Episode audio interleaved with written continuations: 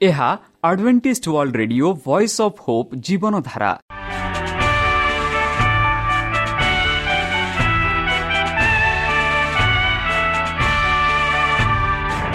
Odia radio କାର୍ଯ୍ୟକ୍ରମ ଯାହା ଆମର ଆନ୍ତର୍ଜାତୀୟ ଆଘାତ କେନ୍ଦ୍ରରୁ ପ୍ରସାରଣ କରାଯାଉଛି ପ୍ରତିଦିନ ରାତି ନଅଟା ତିରିଶ ମିନିଟ୍ରେ। ମୁଁ ସୁବ୍ରତ କୁମାର ପତି ପ୍ରେମର ସହ ଆପଣମାନଙ୍କୁ ଏହି କାର୍ଯ୍ୟକ୍ରମକୁ ସ୍ୱାଗତ କରୁଅଛି। ଚାଲନ୍ତୁ ଆଜିର ତିରିଶ ମିନିଟ୍ର କାର୍ଯ୍ୟକ୍ରମ ବିଷୟରେ ଜାଣିନେବା। ପ୍ରଥମେ ରଖିଛୁ ଆଧ୍ୟାତ୍ମିକ ଭକ୍ତିମୟ ଗୀତ। ଏହାପରେ ଶୁଣିବା ସ୍ୱାସ୍ଥ୍ୟ ବିଷୟରେ ଯାହା ଆମର ଦୈନିକ ଜୀବନରେ ଅତ୍ୟନ୍ତ ଜରୁରୀ। ଆଉ ପରିଶେଷରେ ଶୁଣିବା ପରମେଶ୍ୱରଙ୍କ ଭକ୍ତଙ୍କଠାରୁ ଜୀବନଦାୟକ ଈଶ୍ୱରଙ୍କ ବାକ୍ୟ। ପ୍ରିୟ ଶ୍ରୋତା ତାହେଲେ ଚାଲନ୍ତୁ ଶୁଣିବା ଏକ ଆଧ୍ୟାତ୍ମିକ ଭକ୍ତିମୟ ଗୀତ।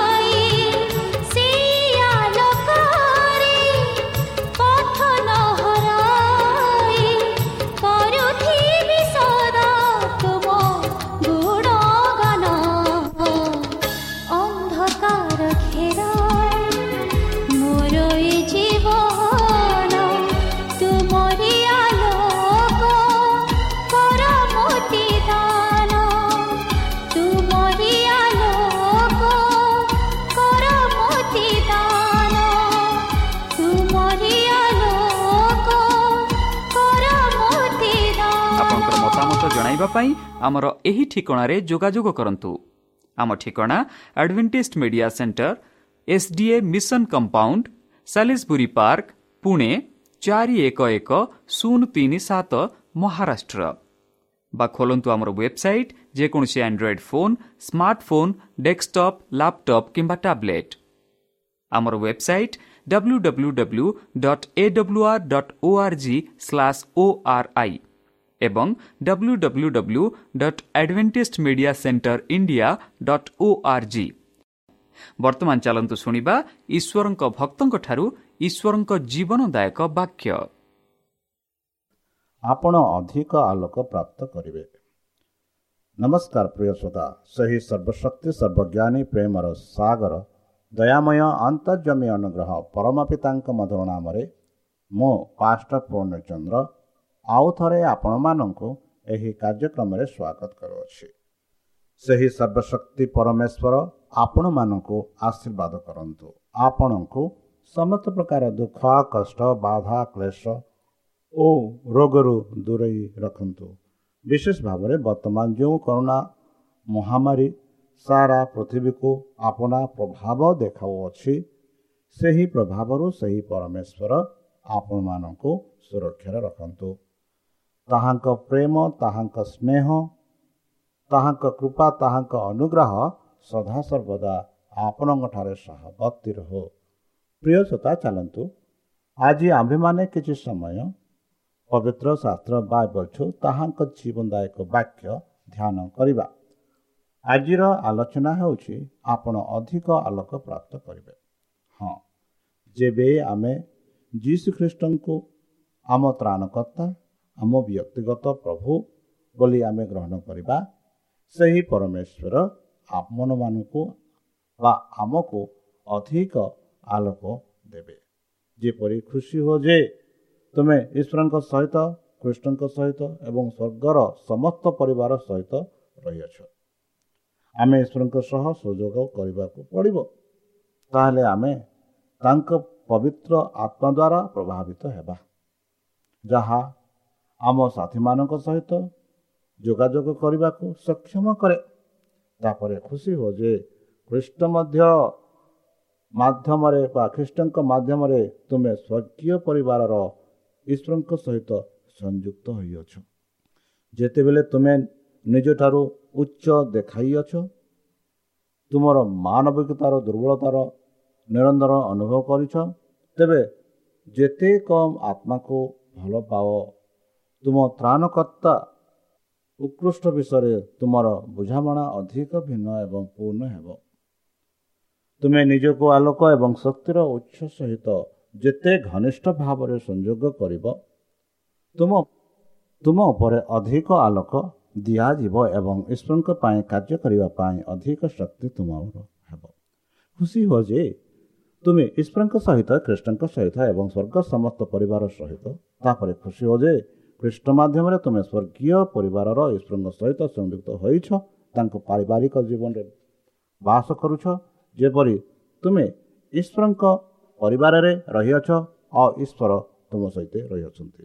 ତାପରେ ଖୁସି ହୋ ଯେ କୃଷ୍ଣଙ୍କ ମାଧ୍ୟମରେ ତୁମେ ସ୍ୱର୍ଗର ପରିବାର ଈଶ୍ୱରଙ୍କ ସହିତ ସଂଯୁକ୍ତ ହୋଇଛ ତାଙ୍କ ଦୂତଙ୍କ ସହ ରହିଅଛ। ଯେତେବେଳେ ତୁମେ ନିଜଠାରୁ ଉଚ୍ଚ କରାଇବାକୁ ଇଚ୍ଛା କର ତୁମର ମାନବିକତାର ଦୁର୍ବଳତାର ନିରନ୍ତର ଅନୁଭବ କରିଥାଅ ତାହାକୁ ତୁମେ ସାହାଯ୍ୟ ପାଅ। ତୁମେ ଯେତେ କମ୍ ଆତ୍ମାକୁ ଭଲ ପାଇଥାଅ ତୁମର ତ୍ରାଣକର୍ତ୍ତା ଉତ୍କର୍ଷ ବିଷୟରେ ତୁମର ବୁଝାମଣା ଅଧିକ ଭିନ୍ନ ହୋଇପାରିବ। ଆପଣ ନିଜକୁ ଆଲୋକ ଏବଂ ଶକ୍ତିର ଉଚ୍ଚ ସହିତ ଯେତେ ଘନିଷ୍ଠ ଭାବରେ ସଂଯୁକ୍ତ କରିବେ ଆପଣ ଉପରେ ଅଧିକ ଆଲୋକ ଦିଆଯିବ। ବନ୍ଧୁ ଆମେ ଖୁସି ହେବା ସହିତ ସେହି ସ୍ୱର୍ଗଦୂତଙ୍କ ସହିତ ଆମେ ସମସ୍ତେ ମିଳିମିଶି ରହିବା। ସେ ସ୍ୱର୍ଗରେ ଦୂତମାନଙ୍କ ସହ ପିତାଙ୍କ ସହ ସଦାପ୍ରଭୁ ପରମେଶ୍ୱରଙ୍କ ସହ ମିଳିମିଶି ରହିବା। ଏହା ଏକ ଖୁସିର ବାର୍ତ୍ତା। ଆମେ ଯେତେବେଳେ ଈଶ୍ୱରଙ୍କ ମୁଖକୁ ଦେଖୁ ଯେତେବେଳେ ଈଶ୍ୱରଙ୍କୁ ତାଙ୍କ ସହିତ କଥାବାର୍ତ୍ତା ହଉ ତାଙ୍କ ପାଖେ ବସୁ ତାଙ୍କ ସହ ଆମେ ବୁଲା ବୁଲି କରୁ କେତେ ଖୁସିର କଥା ନଥିବ। ସେହି ସୌନ୍ଦର୍ଯ୍ୟ ସ୍ୱର୍ଗ ଯାହାକି ଆମ ଏକ ସୌନ୍ଦର୍ଯ୍ୟ ପରିବେଶରେ ପରିଣତ ହୋଇଥାଏ ଯେଉଁଥିରେ ଧାର୍ମିକ ମାନେ ଯୀଶୁଖ୍ରୀଷ୍ଟଙ୍କ ସହ ବସି କଥାବାର୍ତ୍ତା ହୁଅନ୍ତି। ଆଉ ଯୀଶୁଖ୍ରୀଷ୍ଟ ସେମାନଙ୍କୁ ପରିତ୍ରାଣର କାହାଣୀ ବୁଝେଇ କହନ୍ତି। ସେ ସୌନ୍ଦର୍ଯ୍ୟ କୃଷର କାହାଣୀ ବୁଝେଇ କହନ୍ତି। ସେ ସୌନ୍ଦର୍ଯ୍ୟ ସୃଷ୍ଟିର କାହାଣୀ ବୁଝେଇ କହନ୍ତି। ଏହା କେଡ଼େ ସୌନ୍ଦର୍ଯ୍ୟ ସୌଯୋଗ୍ୟ ଭାଗ୍ୟବାନ କି? ଯେବେ ଆମେ ସେହି ସ୍ୱର୍ଗରାଜ୍ୟ ଯିବା ସେହି ସ୍ୱର୍ଗରାଜ୍ୟରେ ଆମେ ଖୁସିରେ ଶାନ୍ତିରେ କୃଷ୍ଣଙ୍କ କଥା ଶୁଣିବା। ଯେପରି ସେହି ସମୟରେ ସେହି ସତୁରୀ ଆଉ ବାର ଜଣଙ୍କୁ ସେହି ପ୍ରଦେଶକୁ ପଠାଇଥିଲେ ଆଉ ସେମାନେ ଈଶ୍ୱରଙ୍କ କାର୍ଯ୍ୟ ଏକ ଚମତ୍କାର ରୂପେ ତାଙ୍କ ନାମରେ ଭୂତ ଛଡ଼ାଇଥିଲେ। ଆଉ ଯେବେ ସେହି କାର୍ଯ୍ୟ ଶେଷ ହେଲା ପରେ ସେମାନେ ଯୀଶୁଖ୍ରୀଷ୍ଟ ପାଖକୁ ଆସି ସେହି ସୌନ୍ଦର୍ଯ୍ୟ ବାର୍ତ୍ତା ଶୁଣାଇଲେ ଆଉ ଖୁସି ହେଲେ ସେହି ଖୁସିରୁ ଅଧିକ ଖୁସି ଆପଣମାନେ ଅନୁଭବ କରିବେ। ଯେବେ ଆମେ ସେହି ସ୍ୱର୍ଗରାଜ ଯିବା ଯେବେ ଆମେ ଯୀଶୁଙ୍କ ସହ ରହିବା ଯେବେ ଆମେ ସେହି ସ୍ୱର୍ଣ୍ଣମୟ ପଥରେ ଗମନ କରିବା ଯେବେ ଆମେ ସେହି ସିଂହମାନଙ୍କ ସହ ଏକାରେ ଖେଳିବା ଏହା ଏକ ସୌନ୍ଦର୍ଯ୍ୟ ଏହା ଏକ ଉତ୍ତମ ଏହା ଏକ ଆଶ୍ଚର୍ଯ୍ୟଜନକ ଅନୁଭବ ଥିବ ବନ୍ଧୁ। ସତୁରି ଜଣ କୃଷ୍ଣଙ୍କ କଥା ଶୁଣିଲେ ପବିତ୍ର ଆତ୍ମା ସେମାନଙ୍କ ମନକୁ ଜୀବନ୍ତ ବାସ୍ତବତା ସହିତ ପ୍ରଭାବିତ କରୁଥିଲା ଏବଂ ଆମର ଟ୍ରାଭେଲର ସତ୍ୟ ଖୁସିରେ ସେମାନେ ଦେଖିଲେ ଯଦିଓ ବହୁ ଲୋକ ସେମାନଙ୍କୁ ଘେରି ରହିଲେ ସେମାନେ ଈଶ୍ୱରଙ୍କ ସହିତ ବନ୍ଦ ହୋଇଯାଇଥିଲା। ସେମାନେ ଜାଣିଥିଲେ ଯେ ସେମାନେ ଘଣ୍ଟାର ପ୍ରେରଣା ପାଇଛନ୍ତି। ଯୀଶୁ ଆତ୍ମାରେ ଆନନ୍ଦିତ ହେଲେ ଏବଂ କହିଲେ ହେ ପରମ ପିତା ସ୍ୱର୍ଗ ପୃଥିବୀର ପ୍ରଭୁ ମୁଁ ତୁମକୁ ଧନ୍ୟବାଦ ଦେଉଛି ଯେ ତୁମେ ଏହିସବୁ ଜିନିଷକୁ ଜ୍ଞାନୀ ଏବଂ ଚତୁର ଲୋକମାନଙ୍କ ଠାରୁ ଲୁଚାଇ ରଖିଛ ଏବଂ ସେମାନଙ୍କୁ ପ୍ରକାଶ କରିଛ। ଶିଶୁମାନେ ତଥାପି ପିତା କାରଣ ଏହା ତୁମ ଦୃଷ୍ଟିରେ ଭଲ ଲାଗିଲା। ସବୁକିଛି ମୋ ପିତାଙ୍କ ନିକଟରେ ସମର୍ପିତ ହୋଇଛି। ପୁତ୍ର କିଏ? ପରମ ପିତା କିଏ? ପରମ ପିତା କିଏ କିନ୍ତୁ ପୁତ୍ର କିଏ ଜାଣିନାହାନ୍ତି। ଯାହାକୁ ପୁତ୍ର ତାହାକୁ ପ୍ରକାଶ କରିବେ। ବନ୍ଧୁ ସେହି ପୁତ୍ରମାନଙ୍କୁ ତାହାଙ୍କ ପବିତ୍ର ଶାସ୍ତ୍ର ଦ୍ୱାରା ତାହାଙ୍କ ବାକ୍ୟ ପ୍ରକାଶ କରିଛନ୍ତି। ଆଉ ଯେବେ ତାହାଙ୍କ ବାକ୍ୟ ଆମେ ଗ୍ରହଣ କରି ତାଙ୍କ ବାକ୍ୟ ଅନୁସାରେ ଯେବେ ଆମେ ଚାଲୁ ଏହା ଏକ ଖୁସିର ବାର୍ତ୍ତା ଥିବ। ଆଉ ଯୀଶୁ ଖ୍ରୀଷ୍ଟ ବହୁତ ଖୁସି ହେବେ। ଦୁନିଆରେ ସମ୍ମାନିତ ବ୍ୟକ୍ତି ତଥାତୀତ ମହାନ ତଥା ଜ୍ଞାନୀ ଭକ୍ତିମାନେ ସେମାନଙ୍କ ସମସ୍ତ ଗର୍ବ ଜ୍ଞାନ ସହିତ ଖ୍ରୀଷ୍ଟଙ୍କ ଚରିତ୍ରକୁ ବୁଝିପାରିବେ ନାହିଁ। ସେମାନେ ତାଙ୍କୁ ବାହ୍ୟ ରୂପରୁ ମନୁଷ୍ୟ ଭାବରେ ତାଙ୍କ ଉପରେ ଆସିଥିବା ଅପମାନରୁ ବିଚାର କଲେ। କିନ୍ତୁ ମତ୍ସ୍ୟଜୀବୀ ଏବଂ ଜନସାଧାରଣଙ୍କୁ ଅସୃଦୃଶ୍ୟ ଦେଖିବା ପାଇଁ ଦିଆଯାଇଥିଲା। ଯୀଶୁ ଶିଷ୍ୟମାନଙ୍କୁ ଯାହା ପ୍ରକାଶ କରିବା ଇଚ୍ଛା କଲେ ତାହା ଶିଷ୍ୟମାନେ ମଧ୍ୟ ବିଫଳ ହେଲେ। କିନ୍ତୁ ସମୟ ସମୟରେ ସେମାନେ ନିଜକୁ ପବିତ୍ର ଆତ୍ମାଙ୍କ ଶକ୍ତିରେ ସମର୍ପଣ କଲେ। ସେମାନଙ୍କ ମନ ମନ ଆଲୋକିତ ହେଲା। ସେମାନେ ହୃଦୟଙ୍ଗମ କଲେ ଯେ ମାନବିକତାର ଘୋଷଣା ପିନ୍ଧିଥିବା ଶକ୍ତିଶାଳୀ ଈଶ୍ୱର ସେମାନଙ୍କ ମଧ୍ୟରେ ଅଛନ୍ତି। ଯୀଶୁ ଆନନ୍ଦିତ ହେଲେ ଯେ ଯଦିଓ ଏହି ଜ୍ଞାନ ଜ୍ଞାନୀ ଓ ବୁଦ୍ଧିମାନେ ଲୋକଙ୍କର ନୁହେଁ ତଥାପି ଏକ ନମ୍ର ଲୋକମାନଙ୍କ ପାଇଁ ଏହା ପ୍ରକାଶ ପାଇଲେ। ପ୍ରାୟତଃ ଯେହେତୁ ସେ ପୁରାତନ ନିୟମ ଶାସ୍ତ୍ର ଉପସ୍ଥାପନା କରିଥିଲେ ଏବଂ ନିଜେ ଏବଂ ତାଙ୍କ ପ୍ରାୟୋଚିତ କାର୍ଯ୍ୟ ପାଇଁ ସେମାନଙ୍କ ପ୍ରୟୋଗ ଦେଖାଇଲେ। ସେମାନେ ତାଙ୍କ ଆତ୍ମା ଦ୍ୱାରା ଜାଗ୍ରତ ହୋଇ ସ୍ୱର୍ଗୀୟ ପରିବେଶକୁ ଉନ୍ନତି କରିଥିଲେ। ଭବିଷ୍ୟତ ବକ୍ତାମାନଙ୍କ ଦ୍ୱାରା କୁହାଯାଇଥିବା ଆଧ୍ୟାତ୍ମିକ ସତ୍ୟ ଗୁଡ଼ିକ ମଧ୍ୟରୁ ସେମାନେ ମୂଳ ଲେଖମାନଙ୍କ ଅପେକ୍ଷା ଅଧିକ ସ୍ପଷ୍ଟ ବୁଝିଥିଲେ। ପରବର୍ତ୍ତୀ ସମୟରେ ସେମାନେ ପୁରାତନ ନିୟମ ଶାସ୍ତ୍ର ପଢ଼ିବେ। ଶାସ୍ତ୍ରୀ ଏବଂ ପଡ଼ୋଶୀମାନଙ୍କ ଶିକ୍ଷା ଭାବରେ ନୁହେଁ। ମୃତ୍ୟୁ ଜ୍ଞାନୀମାନଙ୍କ କଥା ନୁହେଁ। ବରଂ ଈଶ୍ୱରଙ୍କ ଠାରୁ ଏକ ନୂତନ ପ୍ରକାଶ ଭାବରେ ସେମାନେ ତାହାଙ୍କୁ ଦେଖିଲେ ଯାହାକୁ ଜଗତ ଗ୍ରହଣ କରିପାରିବ ନାହିଁ କାରଣ ଏହା ତାହାକୁ ଦେଖା ନାହିଁ କିମ୍ବା ଜାଣେ ନାହିଁ। କିନ୍ତୁ ତୁମେ ତାଙ୍କୁ ଜାଣିଛ କାରଣ ସେ ତୁମ ସହିତ ରହିଛନ୍ତି ଏବଂ ତୁମେ ଭିତରେ ରହିବେ। ଏହିପରି ଜହନ ଲେଖକ ଲେଖୁଛନ୍ତି। ବନ୍ଧୁ ମୃତ୍ୟୁ ଜ୍ଞାନୀମାନଙ୍କ କଥା ପରି ନୁହେଁ କିନ୍ତୁ ଈଶ୍ୱରଙ୍କ ଠାରୁ ଏକ ନୂତନ ପ୍ରକାଶ ଭାବରେ ସେମାନେ ତାହାଙ୍କୁ ଦେଖିଲେ ଯାହାକୁ ଜଗତ ଗ୍ରହଣ କରିପାରିବ ନାହିଁ କାରଣ ଏହା ତାହାଙ୍କ ଦେଖା କିମ୍ବା ଜାଣେ ନାହିଁ। ତୁମେ ତାଙ୍କ ଜାଣିଛ କାରଣ ସେ ତୁମ ସହିତ ରହିଛନ୍ତି ଏବଂ ତୁମ ଭିତରେ ରହିବେ। ଏହା ସେମାନେ ଅନୁଭବ କରିଛନ୍ତି ବନ୍ଧୁ। ହୃଦୟକୁ କୋମଳ ରଖିବା ଏବଂ ଖ୍ରୀଷ୍ଟଙ୍କ ଆତ୍ମା ଦ୍ୱାରା ବଶୀଭୂତ ହେବା ଦ୍ୱାରା ଆମେ ସତ୍ୟର ଏକ ସମ୍ପୂର୍ଣ୍ଣ ରୂପେ ଅନୁଭବ କରିପାରିବା। ଏକମାତ୍ର ଉପାୟ ଆତ୍ମାକୁ ଆଶାରତା ଏବଂ ଅହଙ୍କାରକୁ ପରିଷ୍କାର କରିବା ଆବଶ୍ୟକ ଏବଂ ଏହାକୁ ଧାରଣ କରୁଥିବା ସମସ୍ତ ଜିନିଷରୁ ଖାଲି ହେବା ଆବଶ୍ୟକ ଏବଂ ଖ୍ରୀଷ୍ଟ ଭିତରେ ସହାନୁଭୂତି ପ୍ରାପ୍ତ ହେବା ଆବଶ୍ୟକ। ପ୍ରାୟଚିତକୁ ବୁଝିବା ପାଇଁ ମାନବ ବିଜ୍ଞାନ ଅତ୍ୟଧିକ ସୀମିତ। ମୁକ୍ତିର ଯୋଜନା ଏତେ ଦୂରେ ପର୍ଯ୍ୟନ୍ତ ପହଞ୍ଚି ଯେ ଦର୍ଶନ ଏହାକୁ ବ୍ୟାଖ୍ୟା କରିପାରିବ ନାହିଁ। ଏହା ସର୍ବଦା ଏକ ରହସ୍ୟ ହୋଇ ରହିବ ଯାହା ଅତ୍ୟନ୍ତର ଗଭୀର ଯୁକ୍ତି ଜାଣିପାରିବ ନାହିଁ। ପରିତ୍ରାଣର ବିଜ୍ଞାନକୁ ବ୍ୟାଖ୍ୟା କରାଯାଇପାରିବ ନାହିଁ କିନ୍ତୁ ଏହା ଅଭିଜ୍ଞାତ ଦ୍ୱାରା ଜଣାପଡ଼ି ଜଣା ପଡ଼ିଥାଏ କେବଳ ଯିଏ ନିଜର ପାପ ଦେଖି ତ୍ରାଣକର୍ତ୍ତାଙ୍କ ମୂଲ୍ୟବାନତା ଜାଣିପାରିବ ବନ୍ଧୁ। ଖ୍ରୀଷ୍ଟ ଗାଲିଲେରୁ ଜେରୁସାଲମ ଆଡ଼କୁ ଯିବା ବେଳେ ଖ୍ରୀଷ୍ଟ ଶିକ୍ଷା ଦେଇଥିବା ଶିକ୍ଷା ଗୁଡ଼ିକ ପୂର୍ଣ୍ଣ ଥିଲା। ଲୋକମାନେ ତାଙ୍କ ବାକ୍ୟକୁ ଅତି ଉତ୍ସାହରେ ଶୁଣିଲେ। ଯେପରି ଯେପରି ଗାଲିଲି ପରି ଲୋକମାନେ ଜୁହୁଦା ଅପେକ୍ଷା ଜୁହୁଦୀ ଧର୍ମ ନିରପେକ୍ଷତା ଅଧୀନରେ ଥିଲେ ଏବଂ ତାଙ୍କର ଶିକ୍ଷା ସେମାନଙ୍କ ହୃଦୟରେ ଏକ ପ୍ରତିକ୍ରିୟା ପାଇଲା। ତାଙ୍କର ସେବା କରିବାର ଏହି ଶେଷ ମାସରେ କୃଷ୍ଣଙ୍କ ଅନେକ ଦୃଷ୍ଟାନ୍ତ କୁହାଯାଇଥିଲା। ଯାଜକ ଓ ରାବଣମାନେ କ୍ରମାଗତ ଭାବରେ ତିତ୍କାତ ସହିତ ତାହାକୁ ଅନୁସରଣ କଲେ ଏବଂ ସେ ସେମାନଙ୍କୁ ଚେତାବନୀ ଦେଲେ। ସେମାନେ ତାଙ୍କ ଅର୍ଥକୁ ଭୁଲ କରିପାରନ୍ତି ନାହିଁ। ତଥାପି ସେମାନେ ତାଙ୍କ ବାକ୍ୟରେ କିଛି ପାଇଲେ ନାହିଁ ଯାହା ଉପରେ ତାଙ୍କ ବିରୁଦ୍ଧରେ ଅଭିଯୋଗ କରିପାରିବେ। ଫାରୁସି ଏବଂ କରଦାୟଙ୍କ ଦୃଷ୍ଟାନ୍ତରେ ଆତ୍ମନିର୍ଭରଶୀଳ ପ୍ରାର୍ଥନା ଈଶ୍ୱର ମୁଁ ତୁମକୁ ଧନ୍ୟବାଦ ଦେଉଛି ଯେ ମୁଁ ଅନ୍ୟ ପୁରୁଷମାନଙ୍କ ପରି ନୁହେଁ ଏହିପରି ଫାରୁସି କରିଥିଲେ ଅନୁତାପକାରୀ ନିବେଦନକୁ ଭିନ୍ନ ଭିନ୍ନ ଭାବରେ ଦର୍ଶାଇଲା ପାପି ମୋ ପ୍ରିୟ ପ୍ରତି ଦୟାକର ବୋଲି ସେହି କାରଦାତା ପ୍ରାର୍ଥନା କରିଥିଲେ ବନ୍ଧୁ ଏହିପରି ଖ୍ରୀଷ୍ଟ ଯୁହୁଦୀମାନଙ୍କର କପଟିକୁ ଭର୍ଜନା କଲେ ଏବଂ ବନ୍ଧା ଡିମୁରି ଗଛ ଏବଂ ମହାନ ରାତ୍ରିର ଚିତ୍ର ତଳେ ସେ ଅବିସ୍ମରଣୀୟ ଦେଶ ଉପରେ ପଡ଼ିଥିବା ଭବିଷ୍ୟତବାଣୀ କରିଥିଲେ।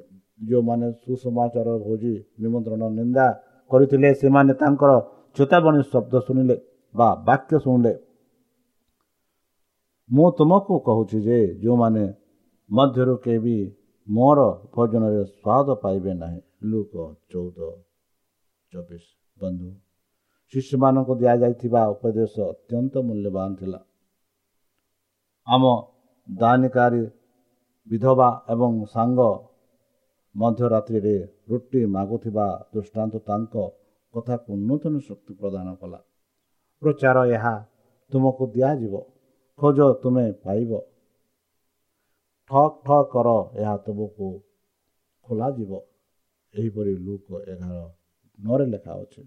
ଏବଂ ପ୍ରାୟତଃ ସେମାନଙ୍କ ଅବିଶ୍ୱସନୀୟ ବିସ୍ତୃତ ସୃଷ୍ଟି ଦ୍ୱାରା ଦୃଢ଼ ହୋଇଥିବା ଥିଲା ଯେ ଖ୍ରୀଷ୍ଟ କହିଥିଲେ ଈଶ୍ୱର ତାଙ୍କ ମନୋନୀତ ଲୋକମାନଙ୍କ ପାଇଁ ନ୍ୟାୟ ଦେବେ ନାହିଁ ହେବେ ନାହିଁ। ଯେଉଁମାନେ ଦିନ ରାତି ତାଙ୍କ ନିକଟରେ କ୍ରନ୍ଧନ କରନ୍ତି ଏବଂ ସେ ସେମାନଙ୍କ ଉପରେ ଦୀର୍ଘସ୍ଥାୟୀ ଅଟନ୍ତି। ମୁଁ ଆପଣଙ୍କୁ କହୁଛି ଯେ ସେ କହିଲେ ସେମାନଙ୍କୁ ଶୀଘ୍ର ନ୍ୟାୟ କର ଆଉ ସେହିପରି ହେବ। ପଢ଼ନ୍ତୁ। ଲୁକ ଅଠର ସାତ ଆଠ। ବନ୍ଧୁ ହଜି ଯାଇଥିବା ମେଣ୍ଢାର ସୁନ୍ଦର ଦୃଷ୍ଟାନ୍ତ ଖ୍ରୀଷ୍ଟ ପୁନରୁକ୍ତି କଲେ। ସେ ହଜି ଯାଇଥିବା ରୂପା ଖଣ୍ଡ ଏବଂ ବିଚକ୍ଷଣ ପୁତ୍ର ବିଷୟରେ କହିଥିବା ବେଳେ ସେ ଏହାର ଶିକ୍ଷାକୁ ଆହୁରି ଦୂରରୁ ନେଇଗଲେ। ଶିଷ୍ୟମାନେ ଏହି ଶିକ୍ଷା ଗୁଡ଼ିକର ଶକ୍ତି ଯେତେବେଳେ ପୂର୍ଣ୍ଣ ପ୍ରଶଂସା କରିପାରିଲେ ନାହିଁ କିନ୍ତୁ ପବିତ୍ର ଆତ୍ମାଙ୍କ ବାହାଘର ପରେ ଯେତେବେଳେ ସେମାନେ ଅନଯୋଧୀମାନଙ୍କ ସମାବେଶ ଏବଂ ଯୋଧୀମାନଙ୍କର ଈର୍ଷାପରାୟଣ କ୍ରୋଧ ଦେଖିଲେ ସେମାନେ ବିଦ୍ରୋହୀ ପୁତ୍ରର ଶିକ୍ଷାକୁ ଭଲ ଭାବରେ ବୁଝିପାରିଲେ ଏବଂ ଖ୍ରୀଷ୍ଟଙ୍କ ବାକ୍ୟର ଆନନ୍ଦରେ ପ୍ରବେଶ କଲେ। ଏହା ପୂରଣ ହେଲା ଆମେ ଆନନ୍ଦ କରିବା ଉଚିତ ଏବଂ ଖୁସି ହେବା ଉଚିତ। ଏଥିପାଇଁ ମୋ ପୁଅ ମରିଗଲା ମୁଁ ଜୀବିତ ସେହିପରି ସେ ପିତା କହିଥିଲେ। ସେ ହଜିଯାଇଥିଲା ଏବଂ ପାଇଲା। ପଢ଼ନ୍ତୁ ଲୁକ ପନ୍ଦର ବତିଶ ଚବିଶ ଟୁ ପଚିଶ ବତିଶ। ଏବଂ ଯେତେବେଳେ ସେମାନେ ନିଜ ଗୁରୁଙ୍କ ନାମରେ ବାହାରକୁ ଗଲେ ଅପମାନ ଦାରିଦ୍ର୍ୟ ତଥା ନିର୍ଯାତନାର ସମ୍ମୁଖୀନ ହେଲେ। ସେମାନେ ଏହି ଶେଷ ଯାତ୍ରାରେ ତାଙ୍କ ଆଦେଶରେ ପୁନର୍ବୃତ୍ତିତ କରିବେ କରି ହୃଦୟକୁ ଦୃଢ଼ କଲେ। ଭୟ କର ନାହିଁ। ଛୋଟ ପର ଛୋଟ ପଲ କାରଣ ତୁମକୁ ରାଜ୍ୟ ଦେବାକୁ ତୁମର ପିତାଙ୍କ ଆନନ୍ଦ ଅଟେ। ତୁମର ଅତି ବିକ୍ରୟ କର ଏବଂ ଦାନ ଦିଅ ନିଜକୁ ତ୍ୟାଗ ଯୋଗାନ୍ତୁ ଯାହା ପୁରୁଣା ନୁହେଁ। ସ୍ୱର୍ଗରେ ଏକ ଧନ ଅଛି ଯାହା ବିଫଳ ହୁଏ ନାହିଁ। ଯେଉଁଠାରେ କୌଣସି ଚୋର ନିକଟରେ ହୁଏ ନାହିଁ କିମ୍ବା ପୋକ ନଷ୍ଟ ହୁଏ ନାହିଁ ବା ନଷ୍ଟ କରେ ନାହିଁ। ଯେଉଁଠାରେ ତୁମର ଧନ ଅଛି ସେଠାରେ ତୁମର ହୃଦୟ ମଧ୍ୟ ରହିବ। ଏହିପରି ଲୁକ ବାର ବତିଶ ଚଉତିଶରେ ପରମେଶ୍ୱର କହିଥିଲେ ବନ୍ଧୁ ସେହି ଖୁସି ସେହି ଆନନ୍ଦ ଅନୁଭବ କରିବା ପାଇଁ ଚାଲନ୍ତୁ ସେହି ଯୀଶୁଖ୍ରୀଷ୍ଟଙ୍କଠାରେ ବି ବିଶ୍ୱାସ କରିବା। ଯେଉଁ ପ୍ରତିଜ୍ଞା ସେହି ପରମେଶ୍ୱର ଆମମାନଙ୍କୁ ଦେଇଅଛନ୍ତି କି ଯେବେ ତାଙ୍କଠାରେ ଆମେ ବିଶ୍ୱାସ କରିବା ଯେବେ ହେଲେ ବିନଷ୍ଟ ହେବା ନାହିଁ ବରଂ ଅନନ୍ତ ଜୀବନ ପ୍ରାପ୍ତ ହେବା। ଆଉ ସେହି ଅନନ୍ତ ଜୀବନରେ ସେହି ଅନନ୍ତ ଜୀବନ ପ୍ରାପ୍ତ ହେଲା ପରେ ଆମେ ସମସ୍ତେ ସେ ସ୍ୱର୍ଗ ରାଜ୍ୟରେ ବାସ କରିବା ଯେଉଁଠାରେ ଖ୍ରୀଷ୍ଟ ପିତା ଓ ଦୂତମାନ ଥିବେ ସେମାନଙ୍କ ଠାରେ ରହି ଆମେ ଏକ ଖୁସି ଅନୁଭବ କରିବା। ଏହି ଖୁସି ଅନୁଭବ କରିବା ପାଇଁ ଆପଣମାନେ ଇଚ୍ଛା କରୁଛନ୍ତି କି? ତାହେଲେ ଚାଲନ୍ତୁ ଏହା ହିଁ ସମୟ ନିଜକୁ ସମର୍ପଣ କରି ତାହାଙ୍କ ମଧୁର ନାମରେ ପ୍ରାର୍ଥନା କର। ଚାଲନ୍ତୁ ପ୍ରାର୍ଥନା କରିବା। ହେ ଆମ୍ଭମାନଙ୍କ ସର୍ବଶକ୍ତି ସବୁଜ୍ଞାନୀ ପ୍ରେମର ସାଗର ଦୟାମୟ ଅନ୍ତର୍ଜମୀ ଅନୁଗ୍ରହ ପିତା ଧନ୍ୟବାଦ ଅର୍ପଣ କରୁଛୁ ପ୍ରଭୁ। ବର୍ତ୍ତମାନ ଯେଉଁ ବାକ୍ୟ ତୁମ ସେହି ଭକ୍ତଙ୍କ ଦ୍ୱାରା ଶୁଣେଇଥିଲେ ସେହି ବାକ୍ୟ ଅନୁସାରେ ଏମାନଙ୍କୁ ଚାଲିବା ପାଇଁ ବୁଦ୍ଧି ଜ୍ଞାନ ଶକ୍ତିରେ ପରିପୂର୍ଣ୍ଣ କର ଆମ ପାପ ସବୁ ତୁମ ସେହି ବହୁମୂଲ୍ୟ ରକ୍ତରେ ପରିଷ୍କାର କରି ଧୋଇଦିଅ ଶତ୍ରୁ ସୈତାନ ହସ୍ତରୁ ଏମାନଙ୍କୁ ସୁରକ୍ଷାରେ ରଖ ପରିଶେଷ ଯେବେ ତୁମେ ତୁମ ସେହି ସହସ୍ରଦୂତଙ୍କ ସହ ଆପଣା ସାଧୁମାନଙ୍କୁ ସଂଗ୍ରହ କରିବା ନିମନ୍ତେ ଆସିବେ ହେ ପରମେଶ୍ୱର ସେତେବେଳେ ଆମମାନଙ୍କୁ ଏକ ବାସ ସ୍ଥାନ ଦିଅ ବୋଲି ତ୍ରାଣକର୍ତ୍ତା ପ୍ରଭୁ ଯୀଶୁଙ୍କ ମଧୁରମୟ ନାମରେ ଏହି ଛୋଟ ବିକ୍ଷମ ଅଛି ତୁମେ ଗ୍ରହଣ କର। ଆମେ ପ୍ରିୟ ଶ୍ରୋତା ଆମେ ଆଶା କରୁଛୁ ଯେ ଆମର କାର୍ଯ୍ୟକ୍ରମ ଆପଣମାନଙ୍କୁ ପସନ୍ଦ ଲାଗୁଥିବ। ଆପଣଙ୍କର ମତାମତ ଜଣାଇବା ପାଇଁ ଆମର ଏହି ଠିକଣାରେ ଯୋଗାଯୋଗ କରନ୍ତୁ। ଆମ ଠିକଣା Adventist Media Centre S DA mission compound Salisbury Park Pune ଚାରି ଏକ ଏକ ଶୂନ ତିନି ସାତ ମହାରାଷ୍ଟ୍ର। ବା ଖୋଲନ୍ତୁ ଆମର ୱେବସାଇଟ୍ ଯେକୌଣସି Android phone smartphone desktop laptop କିମ୍ବା ଟ୍ୟାବ୍ଲେଟ୍ ଆମର website W W W dot A W R dot O R G slash O R I ଏବଂ W W W dot Adventist Media Centre India dot O R G Adventist Media Centre ଇଣ୍ଡିଆର spelling ହେଉଛି A D